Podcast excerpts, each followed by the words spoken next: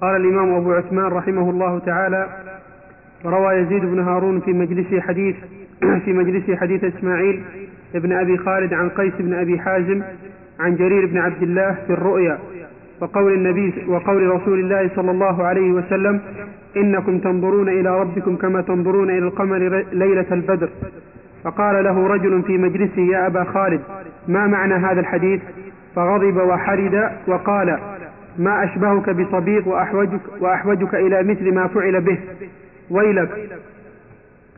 أو من يدري كيف هذا؟ ومن يجوز له أن يجاوز هذا القول الذي جاء به الحديث أو يتكلم فيه بشيء من تلقاء نفسه إلا من سفه نفسه واستخف بدينه. إذا سمعتم الحديث عن رسول الله صلى الله عليه وسلم فاتبعوه ولا تبتدعوا فيه فإنكم إن اتبعتموه ولم تماروا فيه سلمتم وإن لم تفعلوا هلكتم. نعم. بسم الله الرحمن الرحيم. الحمد لله والصلاة والسلام على رسول الله. بدأ الشيخ يتكلم هنا عن مسألة وقضية منهجية تتعلق بمنهج السلف الصالح رحمهم الله تعالى من أهل الكلام وأهل التأويل وغيرهم فأهل الكلام والتأويل الذين يخوضون في نصوص الصفات بغير حجة ولا برهان هؤلاء نهجوا نهجا باطلا ردوا فيه نصوص الصفات أو تأولوها.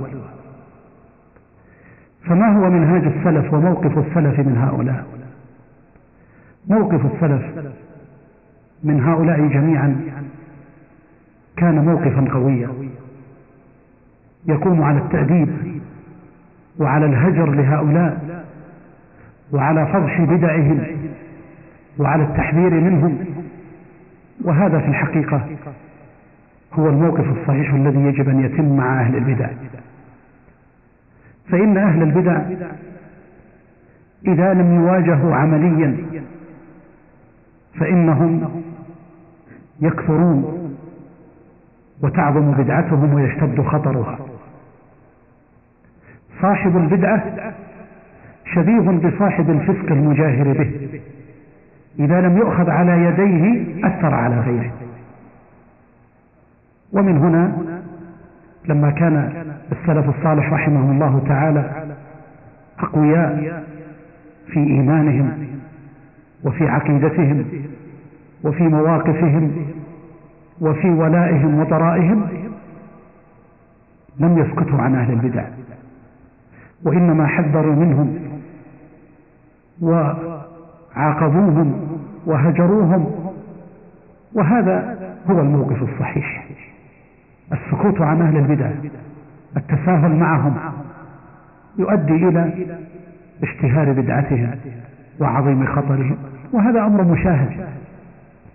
تعال إلى أي بدعة من البدع؟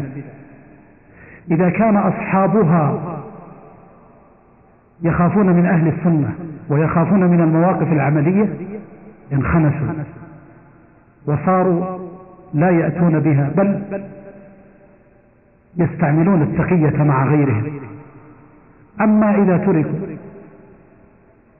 وسكت عنهم فإن هؤلاء أول ما ينشأ أنه تزداد ثقتهم ببدعتهم ويقولون لولا أن الحق معنا لما سكتوا عنا ثم إنه أيضا يعظم خطرهم وينتشر أمرهم مع العامة ومع غير العامة وينتهي في النهاية إلى أن يكون هؤلاء المبتدعة قد نشروا بدعتهم وتشربت نفوس كثير من الناس شبهاتهم. ثم تعالى عالج المشكلة. المشكلة يجب أن تعالج قبل بدئها وقبل استفحالها.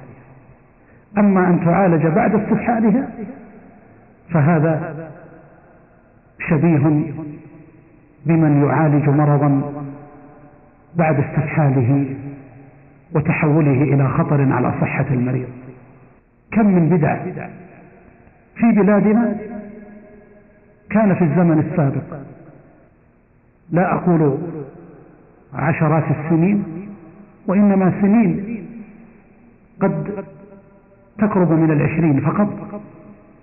ما كان أحد منهم يجرؤ على أن يتكلم عن بدعه ولا أن يتفوه بها ولا أن ينشرها في الصحف ولا أن يتكلم عنها فكان أهل البدع منخمسين لكن لما تساهلنا معهم وسكتنا عنهم اشرأبت لهم أعناق وعظم خطرهم وصاروا ينشرون الكتب بل وينشرون في الصحف عقائدهم وباطلهم.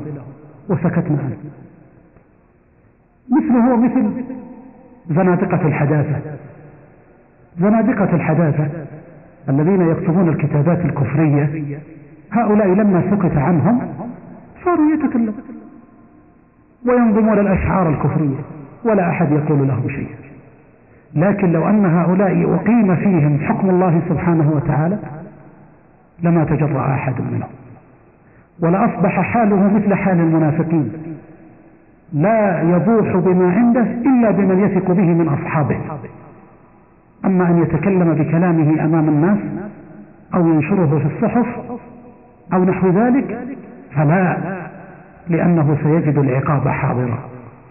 وهذه القصة التي رواها الشيخ الصابوني رحمه الله تعالى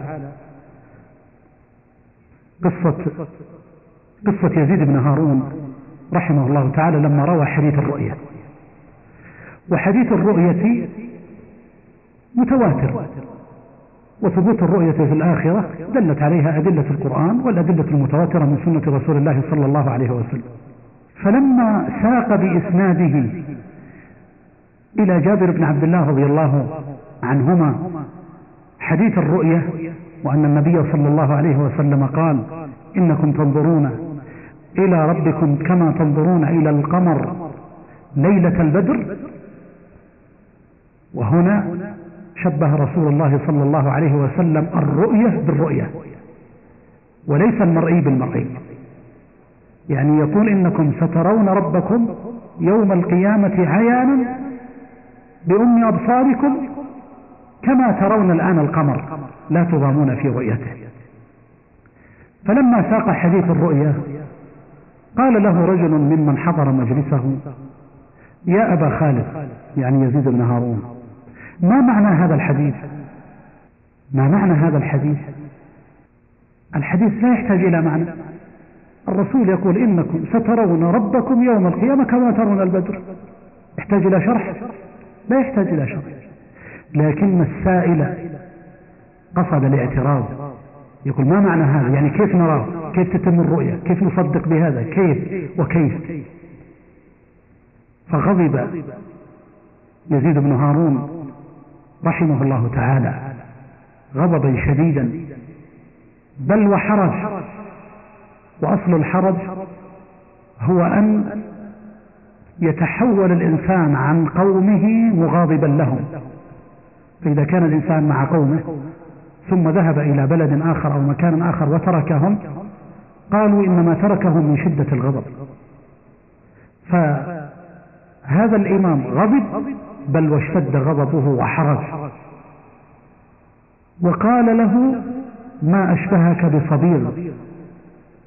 وأحوجك إلى مثل ما فعل به. وصبيغ سيأتي بعد قليل الروايات الواردة فيه. لكن هذا الإمام يقول إنك من أهل السؤال عن المشتبهات التي لا يعلمها إلا الله سبحانه وتعالى ونحن يجب الإيمان بها وعدم السؤال عن عن كيفيتها أو الاعتراض عليها. ولهذا قال له ويحك ومن يدري كيف هذا؟ وهذا يدل على أن يزيد بن هارون فهم من السائل أنه يسأل عن الكيفية ونحوها. ثم وضع له قاعدة يقول له فيها ومن يجوز له أن يجاوز هذا القول الذي جاء به الحديث أو يتكلم فيه شيئا بشيء من تلقاء نفسه إلا من سفه نفسه واستخف بدينه؟ وهذا صحيح. من سفه نفسه وسفهها ورضي لها بالسفة والعته واستخف بدينه تبارك وتعالى ولم ير لله ولا لرسوله صلى الله عليه وسلم حرمة. هذا هو الذي يتجاوز وهذا هو الذي يعتذر لكن الرجل العاقل الرجل الذي رضي بالله ربا ومن محمد صلى الله عليه وسلم نبيا ورسولا وصدق بكل ما جاء عنهما هذا الإنسان يأخذ هذه الأخبار. يأخذ بهذه الأخبار ويصدق بها ويؤمن ولا يتردد. والقاعدة كما أشار يزيد بن هارون إذا سمعت الحديث من رسول الله صلى الله عليه وسلم فيجب الاتباع ولا يجوز الابتداع لأن من اتبع رسول الله صلى الله عليه وسلم سلم سلم وأجر. ولكن من ابتدع فإنه يؤدي به إلى الهلاك. نسأل الله السلامة والعافية. ويزيد بن هارون وهو من أئمة السلف رحمه الله تعالى الإمام العالم المشهور. هذا الإمام يقول لهذا السائل أنت تسأل عما لا يجوز لك أن تسأله. وما أشبهك بصديق ابن عسل الذي ضربه عمر بن الخطاب رضي الله عنه. يقول ما أحوجك إلى أن تضرب حتى تتوب إلى الله سبحانه وتعالى وترتدع عن مثل هذه الأسئلة الاعتراضية. ولا تظن أن هذا كلام في الزمن القديم وعلم الكلام انتهى. إلى الآن إلى الآن والله نسمع نسمع نفس السؤال. يأتي الحديث صحيحا من رسول الله صلى الله عليه وسلم فيقول لك هذا غير معقول. مثل حديث الذباب. إذا وقع الذباب في إناء أحدكم في البخاري وغيره فليغمسه ثم لينزعه. كثير وكثير ممن يقرأ هذا الكتاب يقول أبدا. الذباب ينقل الأمراض وينقل الطاعون. فكيف يأتي قائل ليقول بل زده زيادة؟ بدل أن يكون طافحا على الأكل أو على الماء السائل على الأكل السائل أو الماء يقول فليغمس. هذا لا يمكن. هذا اعتراض نفسه اعتراض بحديث رسول الله صلى الله عليه وسلم ثابت لا إشكال فيه. والحمد لله أن الطب الحديث وهذا من باب اطمئنان القلب وإلا في القلب مطمئن قبل وبعد إن شاء الله تعالى. الطب الحديث أثبت أن فعلا في أحد جناحي الذباب داء وفي الآخر دواء فإذا غمس معي معا لقح هذا هذا وزال الخطر بإذن الله تبارك وتعالى. والواحد منا قد ينظر إلى القضية هذه نظرة سطحية فيظن أن معه كاس من الماء وقع فيه ذباب فيرمي. انتهى الإشكال. أو كاس من الشاي وقع فيها ذباب فرماها. فيقول يعني لماذا؟ أغمس. يعني خلاص نرمي وينتهي الإشكال. نقول لكن افرض أن لك يومين أو يوم لم تأكل طعاما وأتي لك بإناء فيه لبن. أتي إليك بإناء فيه لبن. وليس بشرط أيضا أن تكون لم تأكل منذ مدة طويلة. لكن هذا طعام طيب من لبن أو ماء وأنت عطشان ثم ثم سقط فيه ذباب. هل ترميه؟ لا. تفعل ما فعله رسول الله صلى الله عليه وسلم. فلا يستخفن أحد بمثل ذلك ويقول الأمر سهل لأننا نعيش في نعمة. فهذه الأسئلة والاعتراضات سواء منها ما يتعلق بجوانب من الأخبار وغيرها كلها تسمى اعتراضات أهل الكلام. لكن كانوا يسمون في الزمن القديم أهل الكلام وهم يسمون في الأزمنة الحاضرة يسمون العقلانيين العقلانيين أو يسمون بأصحاب الفكر المستنير. مستنير يعني يريد أن يخلط الوحي بالحضارة الغربية وقضاياها العقلية. ونقول نحن إن العقل الصحيح والفكر السليم الصحيح المستنير حقا هو المستنير بهدي كتاب الله وسنة رسوله صلى الله عليه وسلم. وتعالوا ننظر ما هي قصة صبيغ ابن عسل التميمي مع عمر بن الخطاب. نعم. وقصة صبيغ الذي قال يزيد بن هارون للسائل ما أشبهك بصبيغ وأحوجك إلى مثل ما فعل به؟ هي ما رواه يحيى بن سعيد عن سعيد بن المسيب أن صبيغا التميمي أتى أمير المؤمنين عمر بن الخطاب رضي الله عنه فقال يا أمير المؤمنين أخبرني عن الذاريات ذروة. قال هي الرياح ولولا أني سمعت رسول الله صلى الله عليه وسلم يقوله ما قلته. قال فأخبرني عن الحاملات وقرا. قال هي السحاب ولولا أني سمعت رسول الله صلى الله عليه وسلم يقوله ما قلته قال فأخبرني عن المقسمات أمرا. قال الملائكة ولولا أني سمعت رسول الله صلى الله عليه وسلم يقوله ما قلته قال فأخبرني عن الجاريات يسرا. قال هي السفن ولولا أني سمعت رسول الله صلى الله عليه وسلم يقوله ما قلته قال ثم أمر به فضرب مئة صوت. ثم جعله في بيت حتى إذا برئ دعا به. ثم ضربه مئة صوت أخرى. ثم حمله على قتب. قتب. قتب, قتب هو يعني الرحل. رحل البعير والناقة رحل صغير يوضع على قدر السنام حتى يجلس عليه الراكب. نعم. وكتب إلى أبي موسى الأشعري أن حرم عليه مجالسة الناس. فلم يزل كذلك حتى أتى أبا موسى الأشعري فحلف, فحلف بالأيمان المغلظة ما يجد في نفسه مما كان يجده شيئا. فكتب عمر إليه ما إخاله إلا قد صدق. خل بينه وبين مجالسة الناس. نعم. أكمل. نعم. وروى حماد بن زيد عن قطن بن كعب سمعت رجل رجلا من بني من بني عجل يقال له فلان. خلته ابن زرعة. خلته ابن زرعة نعم. خلته ابن زرعة. يحدث عن أبيه قال رأيت صبيغ بن عسل بالبصرة كأنه بعير أجرب يجيء إلى الحلق فكلما جلس إلى قوم لا يعرفونه ناداهم أهل الحلقة الأخرى عزمة أمير المؤمنين. يعني يعني أمر أمير المؤمنين الجازم بعدم مجالسته. هذا معنى عزمة. يقولون لهم هذا عزمة أمير المؤمنين يعني أمر أمير المؤمنين القاطع والجازم بعدم مجالسته فلا يجالسونه نعم. أكمل سنستكمل روايات قصة صبيغ ثم نعلق عليها. تفضل. وروى حماد بن زيد أيضا عن يزيد عن يزيد أبي حازم نعم. عن سليمان بن يسار أن رجلا من بني تميم يقال له صبيغ قدم المدينة. فكانت عنده كتب فجعل يسأل عن متشابه القرآن فبلغ ذلك عمر فبعث إليه وقد أعد له عراجين النخل فلما دخل عليه جلس فقال من أنت؟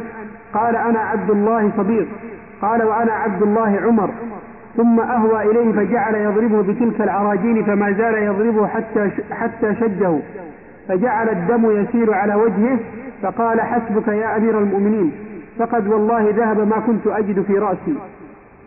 قصة صديق بن هسل رواها كثير من الأئمة اللالكائي والآجري في الشريعة والدارمي في سننه والصابوني في كتابه هذا وغيرهم وهي بمجموعها تتقوى لتكون ثابتة. وطبعا هي موقوفة على عمر ابن الخطاب لأن القصة بين صبيغ بن عسل وعمر بن الخطاب. صبيغ بن عسل هذا نموذج نموذج لأهل البدع. جاء إلى المدينة عنده كتب. كتب قد تكون كتب لليهود أو للنصارى المهم أنها كتب ليست موثقة. فكان يقرأ فيها ثم إنه لم يكتفي بهذا وإنما صار يثير الشبهات على الناس. ما قرأها وسكت وإنما صار يثير الشبهات. ما هي الشبهات التي كان يثيرها؟ ينظر إلى المتشابه. فيأتي للعامة ويقول ما هي الذاريات ما هي الذاريات لماذا الذاريات؟ الحاملات الجاريات؟ ما معناها؟ ما دلالتها؟ وهكذا. بدأ يثير هذه الشبهات ويسأل عنها. مع أن هذه الآيات تفسيرها واضح ولو سأل سائل عن الذاريات لأخبر ولو فسر معنى الذاريات ما أحد قال له لا تفسرها. الذاريات الرياح الحاملات السحاب المقسمات الملائكة الجاريات السفن كلها معاني واضحة جدا. لكن هذا الرجل يثير. فإذا أتى إلى الحاضرين لا يعلمون ما معنى الذاريات يقول لهم ما هي الذاريات فيثير في أذهانهم ليهيئهم لشبه أخرى. فعلم به عمر بن الخطاب رضي الله عنه وأرضاه. فلما علم به دعاه وأعد له عراجين النخل. ثم قال له من أنت؟ قال أنا صبيغ أنا عبد الله الصبيغ قال أنت الذي تسأل عن المتشابهات وتثيرها بين الناس؟ فضربه بعراجين النخل حتى شجه وأدماه ثم تركه ثم ضربه مرة أخرى. ثم قال حسبك يا أمير المؤمنين فقد والله ذهب عني ما أجد. لكن عمر بن الخطاب رضي الله عنه وأرضاه ما اكتفى بهذا وإنما أراد أن يتأكد فنفاه إلى البصرة. وكتب إلى أهل البصرة سيأتيكم فلان منفي. فإذا جاءكم فلا تجالسوا. فجمع له بين النفي وبين عدم المجالسة. فكان هذا الرجل هناك في البصرة يدور فإذا ما وجد قوما لا يعرفونه جلس معهم. ثم إذا جلس يجلس معهم ويتحدث معهم. يأتي شخص آخر عرفة. فإذا جاء قال للحاضرين معكم صبيغ عزمة أمير المؤمنين. أمير المؤمنين منع من مجالسته فأطيعوا أمره فيأتون ويتفرقون عنه. حتى رجع مما هو فيه وكتب أبو موسى رضي الله عنه إلى عمر بن الخطاب يبين له أن الرجل تاب ورجع. فقال عمر ما يخاله إلا قد, قد تاب ورجع خل بينه وبين الناس. وفعلا خلي بينه وبين الناس. هذا هو التأديب. هذا هو التأديب. انتهت المشكلة. أما أن يقال حرية وديمقراطية ودعونا نسمع الحوار ونسمع الكلام ما معنى نسمع الكلام؟ نسمع الكلام فيما يستحق الحوار. لكن يأتيني إنسان ليقول لي تعال نتحاور. هل الإسلام حق ولا النصرانية حق؟ أقول ما عندي حوار أنا في هذا. أنا أقول دين الإسلام أنا واثق منه لكن أحاورك وأرد عليك. الحوار يكون فيما اختلفنا فيه مما له أصول الحوار. ولذا تجد صورة الحوار عند علماء الإسلام في باب الأحكام الشرعية. يتحاورون في مسألة ما هي أدلته يأتي هذا بالأدلة وهذا بالأدلة ومناهج الاستنباط مناهج الاستدلال وهكذا. فينتهي الحوار إلى إلى رأي معين أو ترجيح وقد يقتنع كل شخص برأيه كما كان أئمة الإسلام يصنعون هذا. لكن أن يكون الحوار لأجل الحوار وحتى يتحول الحوار إلى أمور مسلمة فهذا هو الخطير تماما مثل قضية الديمقراطية اليوم. الديمقراطية يقول لك هي الحرية. ما معنى الحرية؟ معناها أنك تجعل الناس كلهم أحرار. وتجعل كل إنسان ينشئ حزب يقول برأي ما تتعرض له لأن هذه الديمقراطية. ومعنى هذا أيضا أن الأمر ينتهي إلى أنه واحد ملحد كافر بالله ما في معنى. ينشئ حزب إلحادي ما في معنى. يجاهر برفض شريعة الله ما في معنى. لأن الكل خلاص أنت تدعو إلى الكتاب والسنة وإلى تحكيم شريعة الله وفلان بحزبه يدعو إلى العلمانية وإلى رفض شريعة الله. نقول سبحان الله كذا الأمور هكذا ببساطة. هذه الأمور المسلمة تتحول عندنا إلى نقطة حوار لا ولا يمكن. ولهذا تجد في الديمقراطيات والبرلمانات العربية تنتهي أحيانا إلى أمور واسعة لماذا؟ لأن الأمور تحولت إلى ديمقراطية. فيطرح بين الحاضرين قضية. ليش؟ لأن هذا المجلس مجلس النواب مثلا هو المجلس التشريعي. يعني مشرع فوق الله. الله شرع وبلغ رسوله صلى الله عليه وسلم البلاغ المبين. لكن يقول لك لا هذا التشريع الرباني ما يأخذ الصفة الشرعية الحقيقية المطبقة في هذا البلد إلا لما يوقع عليها أو يصدرها هذا المجلس. وفعلا لأن الجميع في الأساس رضوا بأن تنشأ أحزاب إلحادية ودينية وغير دينية إلى آخره ينتهي الأمر إلى مأساة. فتأتي قضية من القضايا. قضية من القضايا واحد من الطيبين الخيرين يدعو إليه يقول لازم نحكم شرع الله. فمثلا يجب أن نحرم الخمر. الخمر يجب أن يمنع. فيأتي واحد من الحزب الآخر يقول لك لا الخمر ضرورة سياحية. والبلد عايشة على السياحة لأن تدور له الأمر الصعبة إذا لنتناقش من الذي يحكم؟ قال لك لا نحولها إلى مجلس. نحولها إلى المجلس النيابي هذا. وتطرح على المجلس ويتناقشون ويصرخون. وهذا يقول الخمر حرمها الله وذاك يقول لا الخمر ضرورة اقتصادية وبينهم شجار لكن من الذي يحكم في النهاية؟ الذي يحكم في النهاية عند هؤلاء وهؤلاء؟ التصويت. فتعرض على المجلس ليصوت. فلو زاد صوت أو صوتين الطرف الذي يرى إباحة الخمر انتهى الأمر إلى أنه خلاص الخمر مباح.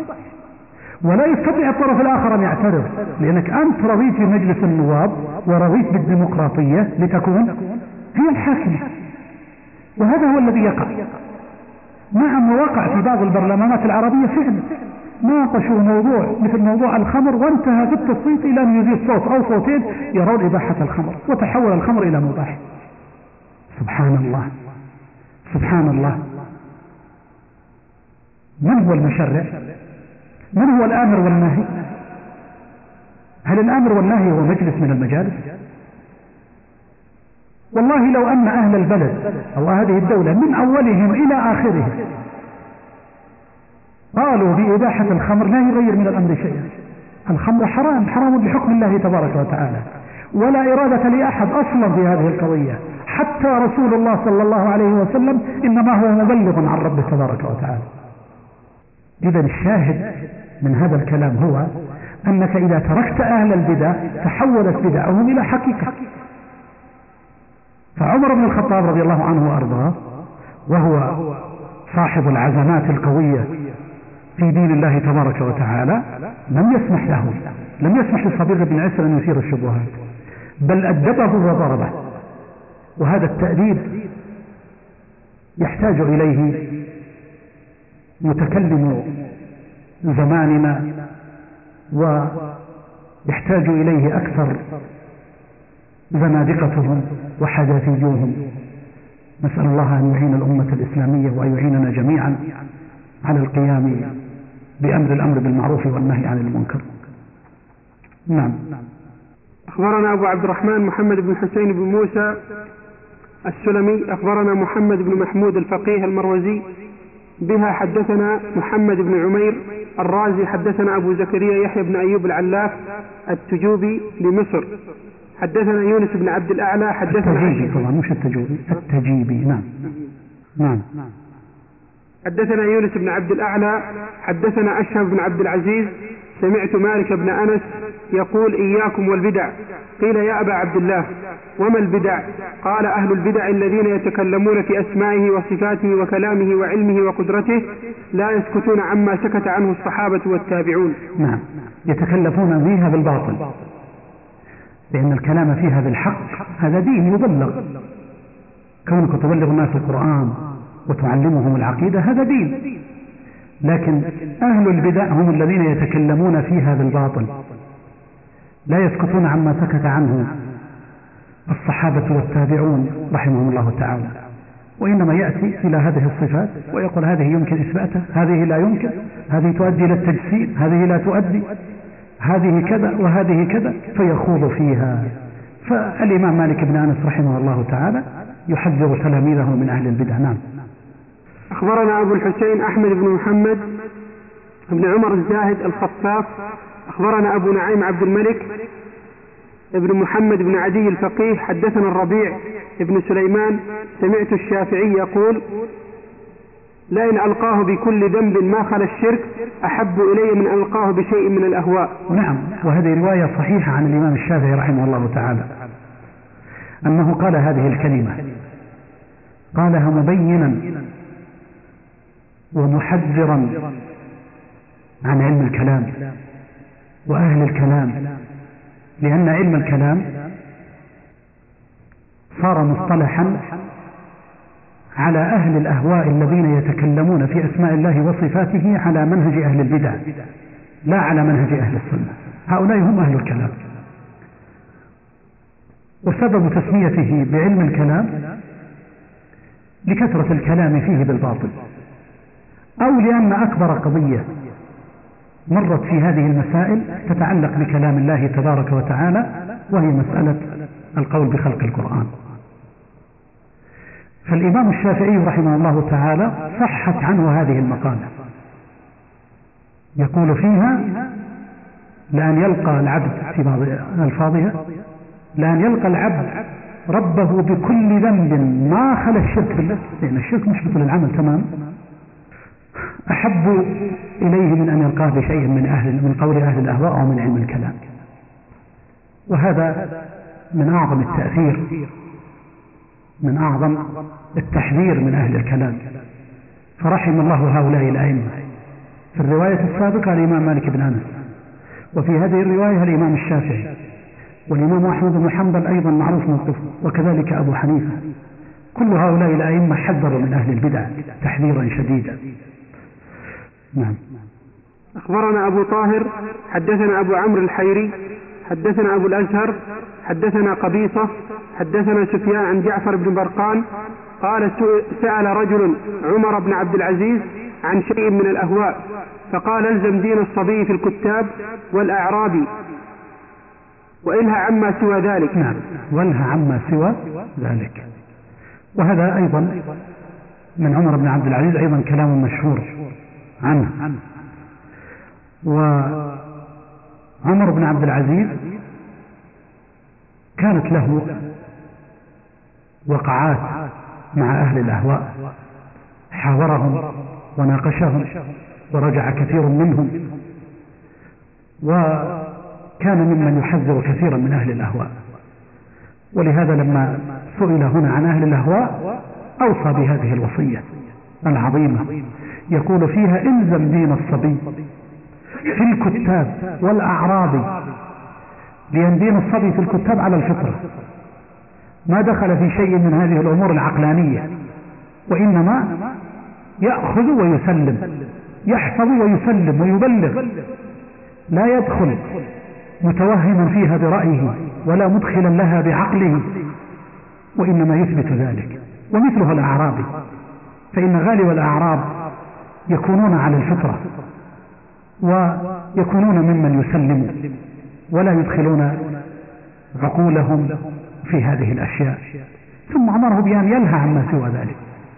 أن يلهى عما سوى ذلك. لأن هذه الأهواء إذا اشرأبت وكثرت تؤدي إلى ضيق الصدر وضعف الإيمان وتؤدي أحيانا إلى الوقوع فيما هو أكبر منها فإن البدعة تبدأ صغيرة ثم تكبر نسأل الله السلامة والعافية. نعم. أخبرنا أبو عبد الله الحافظ حدثنا محمد بن يزيد سمعت أبا يحيى القزاز يقول سمعت العباس بن حمزة يقول سمعت أحمد بن أبي الحواري يقول سمعت سفيان بن عيينة يقول كل كل ما وصف كل ما وصف الله به نفسه في كتابه فتفسيره تلاوته والسكوت عنه. وهذا من سفيان بن عيينة أيضا توضيح لمنهاج السلف رحمه الله تعالى. آيات الصفات كيف نفسرها؟ نفسرها بتلاوتها. نفسرها بتلاوتها ولا نخوض فيما لا نعلم. ولا يعني هذا التلاوة من غير فهم للمعنى لا. وإنما لا نخوض فيما لا نعلم تكييفا. وتعالوا أضرب لكم أمثلة تبين صحة معنى كلام سفيان. سفيان هنا بعيد كل البعد عما يمكن أن يفهم منه من التفويض. وإنما المقصود تلاوته على فهم وعلم لكن لا نخوض في تفسيره بمعنى أننا نفسره تأويلا عن معناه نؤوله عن معناه الصحيح أو نكيفه. وإنما نقرأ القرآن. ونثبت هذه الصفات لله تبارك وتعالى في القرآن وفي السنة على ما يليق بجلاله وعظمته. أقول تعالوا لبعض الأمثلة لنبين منها كيف أنك تنتهي في النهاية إلى أن أحسن طريق هو إثبات هذه الصفات وأن تلاوتها تفسير. تعالوا إلى أي صفة من الصفات؟ أي صفة من الصفات؟ تعال. يعني مثلا لما تأتي إلى مثل قول الله تبارك وتعالى إن الله غفور رحيم. هذان اسمان لله يدلان على صفة المغفرة وصفة الرحمة. أنت مهما فسرت هذه الآية وأتيت لها بتفسير وفسرت معنى مغفرته ومعنى رحمته إلى آخره. فإنك ستجد, ستجد نفسك في النهاية أن كلامك كله ليس أبلغ من فهمك لمعنى إن الله غفور رحيم. أليس هذا هو الواقع؟ لأن القرآن نزل بلسان عربي مبين. بلسان عربي مبين. فأنت إذا فسرت الصفة وذكرت لوازمها وذكرت دلالاتها وأثبتها لله وحده لا شريك له تكون قد أثبتت الصفة. لكن إذا خذت في حقيقتها تريد أن تفسر لها أن تفسرها تكون بين أمرين. إما أن تسلم وإما أن تدخل في علم الكلام. لأنك بدأت تخوض في دلالتها فيما يتعلق بالله سبحانه وتعالى. ونحن نعلم أن أي صفة من الصفات التي نثبتها لله سبحانه وتعالى يتعلق بها ثلاثة أمور الأمر الأول لما نأتي لصفة مثلا التي ذكرناها قبل قليل المغفرة أو الرحمة. نقول تتعلق بها ثلاثة أشياء. الشيء الأول صفة المغفرة القائمة بالله التي نؤمن بها ولا نكيفها الأمر الثاني صفة الرحمة أو المغفرة القائمة بالمخلوق. فإن المخلوق يرحم وأيضا يغفر لي من أخطأ عليه. الأمر الثالث المعنى المشترك بينهما الذي به فهمنا الخطاب. لأنه لابد من معنى مشترك. وحينئذ فالصفة التي تقوم بالله تليق به ونحن لا نعلم كيفيته والصفة التي تثبت للمخلوق تليق به ونحن نراها ونشاهدها. المعنى الكلي لا بد منه لفهم النص. لا بد منه لفهم النص. فإذا جئنا لتفسير آيات الصفات فإننا إنما نفسرها على ما نفهمه من لغة العرب التي خطبنا بها. فنعرف صفة الرحمة ونعرف صفة المغفرة لكن إذا جئنا نفسرها ونشرحها فيما يتعلق بالله تبارك وتعالى فإننا ليس لنا إلا أن نثبت الصفة كما يليق بجلاله وعظمته لكن لا ندخل فيها متوهمين ومكيفين كما نعلم من صفة المخلوق. وهذا معنى عبارة سفيان رحمه الله تعالى حينما يقول كل ما وصف الله به نفسه في كتابه فتفسيره تلاوته والسكوت عنه. تلاوته؟ ليس المقصود هي تلاوة الإنسان الذي لا يفقه من المعنى شيئا وإنما تلاوته مع فهم للمعنى إنما الصفة تثبت لله على ما يليق بجلاله وعظمته. أرجو أن يكون الأمر واضحا. نعم.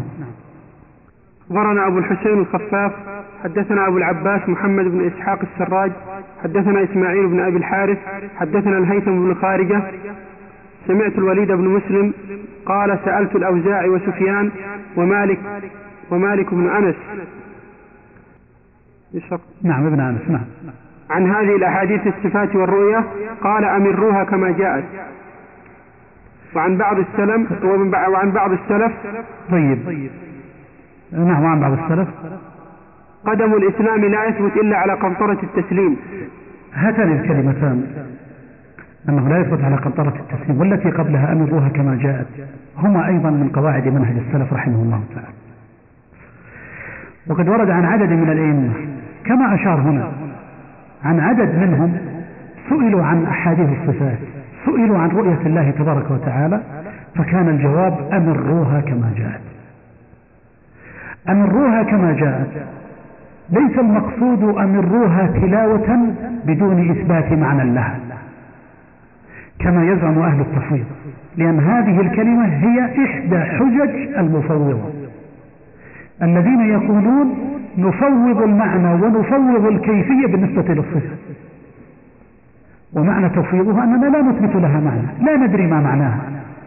إن الله غفور رحيم يقول لك اقرأ إن الله غفور رحيم لكن لا تفكر في المعنى. طيب كيف لو ما أفكر في المعنى؟ أنا فهمت الآية أو ما فهمتها؟ فهمت النص الذي فيه الصفات أو ما فهمته. إن كنت فهمته فقد أثبتت المعنى.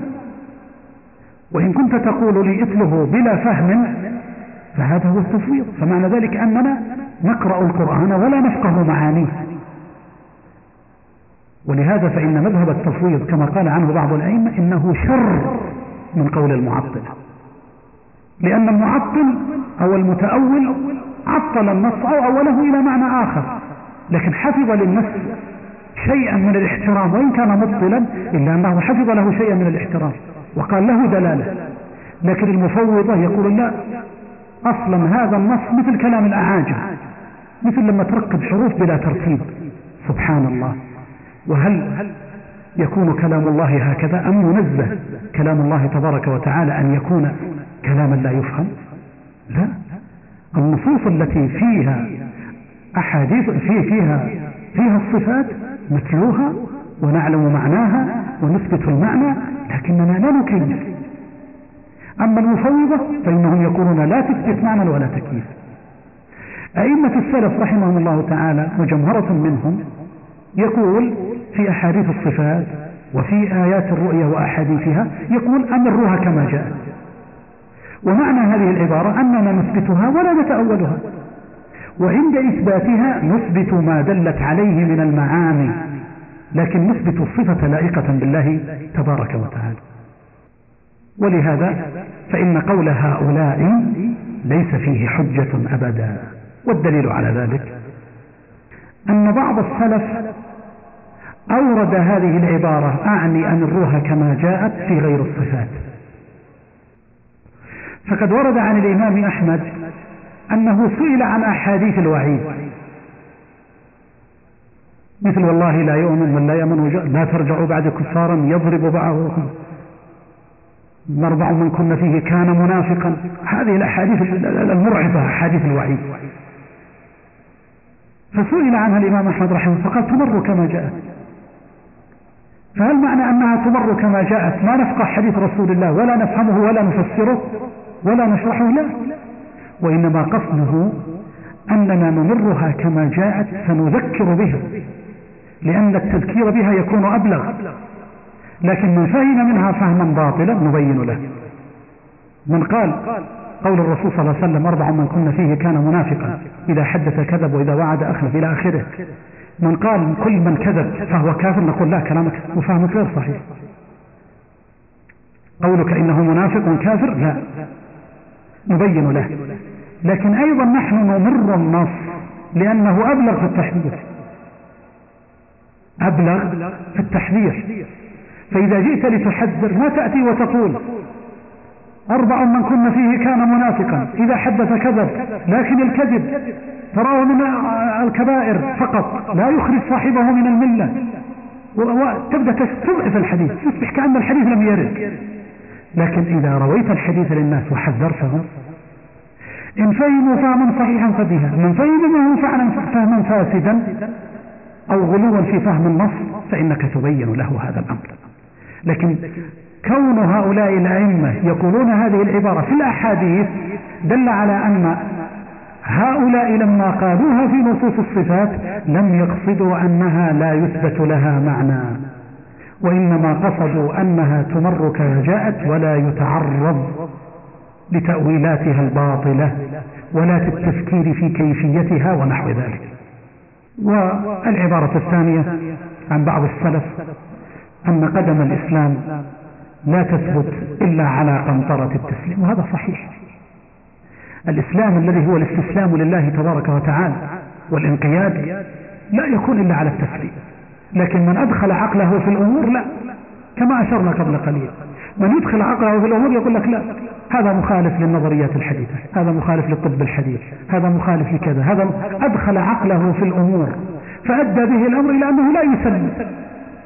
رسول الله يأمره رسول الله يخبره ولا يسلم. وهذا التسليم مناقض لقاعدة تفسير الإسلام هو الاستسلام لله بالتوحيد والانقياد له بالطاعة. هذا الانقياد لا يكون إلا بالتسليم. قال الله تبارك وتعالى في مسائل الحكم فلا وربك لا يؤمنون حتى يحكموك فيما شجر بينهم ثم لا يجدوا في أنفسهم حرجا مما قضيت ويسلموا تسليما. يسلم لأمر الله تبارك وتعالى. نعم. وهو؟ هذا إيه طبعا؟ ما أدري رجع إلى مخطوطة ولا؟ يظن أظنه رجع إلى الطبعة التي معنا. فمن أين جاءت هذه العبارة؟ ندخلها في النص؟ أرني أرني نعم. ها؟ تقدمت العبارة. معناها انتقلت من مكان إلى مكان. نعم. لا لحظة. عندي النسخة الخطية الأخرى الآن. فيها كلام يختلف. سأتلوه عليكم أو أمليه عليكم. أمروها كما جاءت إلى كيف؟ كذا؟ ومالك بن أنس عن هذه الأحاديث في الصفات والرؤية فقالوا أمروها كما جاءت بلا كيف.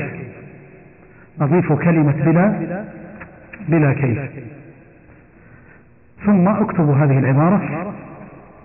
قال الإمام الزهري إمام الآئمة في عصره وعين علماء الأمة في وقته على الله البيان وعلى الرسول البلاغ وعلينا التسليم. هذا متى؟ هذا قبل عبارة قدم الإسلام لا يثبت إلا على قنطرة التسليم. نعم. نعم أعيده. بعد أن الروها كما جاءت بلا كيف قال الإمام الزهري إمام الأئمة في عصره وعين علماء الأمة في وقته على الله البيان وعلى الرسول البلاغ وعلينا التسليم. وهذه العبارة أوردها الإمام البخاري رحمه الله تعالى في صحيحه تعليقا. في كتاب التوحيد. باب رقم 46 وعبارة الزهري رحمه الله تعالى التي اشتهرت عنه واضحة الدلالة على الله البيان وعلى الرسول البلاغ. على الله البيان إن علينا إلا البيان. وطبعا من سبق أن وردت هذه العبارة في أول في أول الرسالة. وعلينا التسليم لكن أوردها هنا للشاهد من قوله وهي قوله وعلينا التسليم. فقنطرة الإسلام لا تثبت إلا على التسليم ونحن علينا أن نسلم لما أمر الله به وأمر به رسوله صلى الله عليه وسلم. نعم تفضل. أخبرنا أبو طاهر بن خزيمة حدثنا جدي حدثنا الإمام أحمد بن نصر حدثنا أبو يعقوب الحسن حدثنا كثير حدثنا كثير بن عبد الله المزني عن أبيه عن جده. قال رسول الله صلى الله عليه وسلم إن هذا الدين بدأ غريبا وسيعود غريبا كما بدأ فطوبى للغرباء. قيل يا رسول الله ومن الغرباء؟ قال الذين يحيون السنة من بعد ويعلمونها الناس. ويعلمونها الناس. وفي النسخة الخطية الأخرى ويعلمونها عباد الله ويعلمونها عباد الله. وهذا الحديث في صحيح مسلم كما هو معروف. أصله في صحيح مسلم. هذا الحديث لابن رجب رسالة في شرحه شرح هذا الحديث ولشيخ الإسلام ابن تيمية أيضا تعليق عليه. والرسول صلى الله عليه وسلم يخبرنا هنا بقوله إن هذا الدين بدأ غريبا وهذا واضح. أنه بدأ غريبا لما بعث محمد صلى الله عليه وسلم. يقول وسيعود غريبا كما بدأ. فطوبى للغرباء. فسئل رسول الله صلى الله عليه وسلم ومن الغرباء؟ قال الذين يحيون سنتي من بعدي ويعلمونها الناس أو يعلمونها عباد الله. وفي روايات أخرى فيها شرح وتفصيل لهؤلاء. الذين يصلحون يصلحون إذا فسد الناس أو يصلحون ما أفسد الناس. إلى آخر الروايات الواردة في ذلك. وهذه الغربة الثانية التي أخبرنا عنها رسول الله صلى الله عليه وسلم هي غربة دالة على أنه يجب إزالة هذه الغربة. بأي شيء؟ بإحياء سنة رسول الله صلى الله عليه وسلم من بعده فإحياء السنة وتعليمها للناس مما يزيل الغربة التي وقعت وتقع في الأمة الإسلامية. لكن هل بعد الغربة الثانية من كشف لها؟ الذي يظهر والعلم عند الله تعالى أم نعم؟ هل في الحديث دلالة من النص؟ نقول نعم. الرسول يقول إن هذا الدين بدأ غريبا. وسيعود غريبا. في كلام هنا محذوف دل عليه السياق ولا ما فيه؟ بدأ غريبا. وما الذي حدث له؟ زالت الغربة. زالت عنه الغربة. بدأ غريبا وزالت عنه الغربة. وانتشر دين الله ودخل الناس في دينه أفواجا. يقول وسيعود غريبا كما بدأ فطوبى للغرباء. فإذا أخذنا بالأحاديث الأخرى التي تدل على أن المستقبل للإسلام وأنه سيبلغ ما بلغ الليل والنهار يدل على أنه أيضا ستزول غربة هذا الدين مرة أخرى ليبلغ ما بلغ الليل والنهار. فقوله وسيعود غريبا فطوبى للغرباء هذا من باب التوصية لمن يكون من الغرباء أن يكون الناس الإنسان من هؤلاء الغرباء الذين يصلحون إذا فسد الناس ويصلحون ما أفسد الناس ويحيون سنة رسول الله صلى الله عليه وسلم. يحيون ما, ما مات منها. نعم. أخبرنا أبو عبد الله الحافظ سمعت أبا الحسن الكارزي يقول سمعت علي بن عبد العزيز يقول سمعت أبا القاسم بن سلام. أبا أبا عبيد القاسم بن سلام. صححها. أبا عبيد القاسم بن سلام نعم. أبا عبيد القاسم بن سلام يقول المتبع للسنة كالقابض على الجمر. وهو اليوم عندي أفضل من ضرب السيف في سبيل الله. نعم. وهذا من هذا الإمام المعروف القاسم بن سلام رحمه الله تعالى. تعرفون أحد أئمة اللغة؟ وهو من الثقات وحفاظ الحديث رحمه الله تعالى. قال مثل هذا الكلام. قال المتبع للسنة كالقابض على الجمر. وهذا في زمن أبي عبيد القاسم بن سلام وأبو عبيد ولد سنة 157 وتوفي سنة 232 فهو من أهل القرن الثاني وبداية القرن الثالث. ومع هذا يقول المتبع للسنة كالقابض على الجمر. بمعنى أن هذا يحتاج منه إلى مجاهدة. وأنه يحتاج إلى صبر ومصابرة. والإنسان لا يستطيع أن يقبض على الجمر لا يستطيع. فالمتبع للسنة أيضا يحتاج منه إلى مصابرة شديدة كمصابرة الذي يريد أن يقبض على الجمر لكثرة الاختلافات والبدع التي كانت موجودة في عصره. فكيف لو عصر زماننا هذا؟ وهو الإمام الذي فضله فضل اتباع السنة على الجهاد في سبيل الله.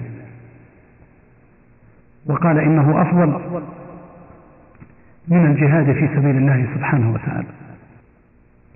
وأفضل من ضرب السيف غازيا في سبيل الله تبارك وتعالى.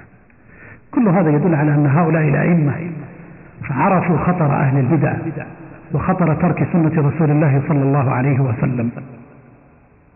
نعم.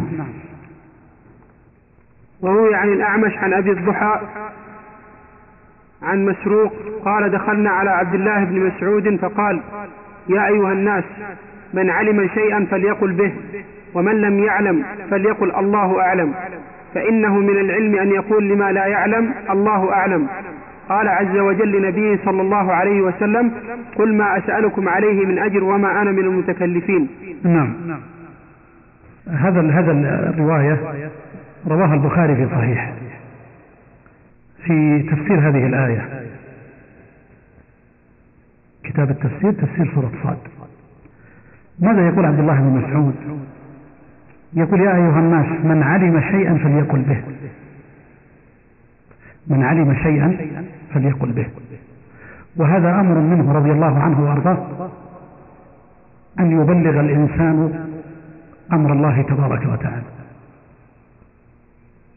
وكل من كان عنده علم فليبلغ. والدعوة إلى الله تبارك وتعالى واجبة. وهي وإن كانت واجبة على الكفاية إلا أنها قد تتعين. قد تتعين مثل هذا الحديث. من عنده علم وليس عند غير عن غيره فيتعين عليه أن يبلغ هذا العلم. ولو غضب الناس. ولو غضب الناس فيجب عليه أن يبلغ لأن تبليغ العلم واجب ولا يجوز كتمانه ثم إنه يقول إن الله ومن لا يعلم فليقل لا يعلم. وهذا من ما يكتب بماء الذهب من وصية هذا الصحابي الجليل عبد الله بن مسعود. ويجب أن يكون قدوة لنا طلبة العلم. ما نعلمه نقول به. وما لا نقول الله أعلم. نكل علمه إلى عالمه ويجب أن يكون عند طالب العلم مثل هذه الكلمة سهلة. حتى لو احتقره الآخرون وقالوا هذا علمه قليل أو أو إلى آخره. لأن يقولوا إن علمه قليل. أهون ألف مرة من أن يقول كلاما خطأ. وأهون أيضا من أن يقول كلاما ثم يرجع عنه لأنه قال ما لا يعلم. والرسول صلى الله عليه وسلم أمره الله أن يقول قل ما أسألكم عليه أجرا وما أنا من المتكلفين. فالرسول صلى الله عليه وسلم لا يتكلف ما لا علم له به. إن هو إلا وحي يوحى يبلغ عن ربه تبارك وتعالى. وأهل العلم يقتدون به صلى الله عليه وسلم في ذلك. نقف عند هذا الحد وصلى الله وسلم على نبينا محمد وآله وصحبه أجمعين.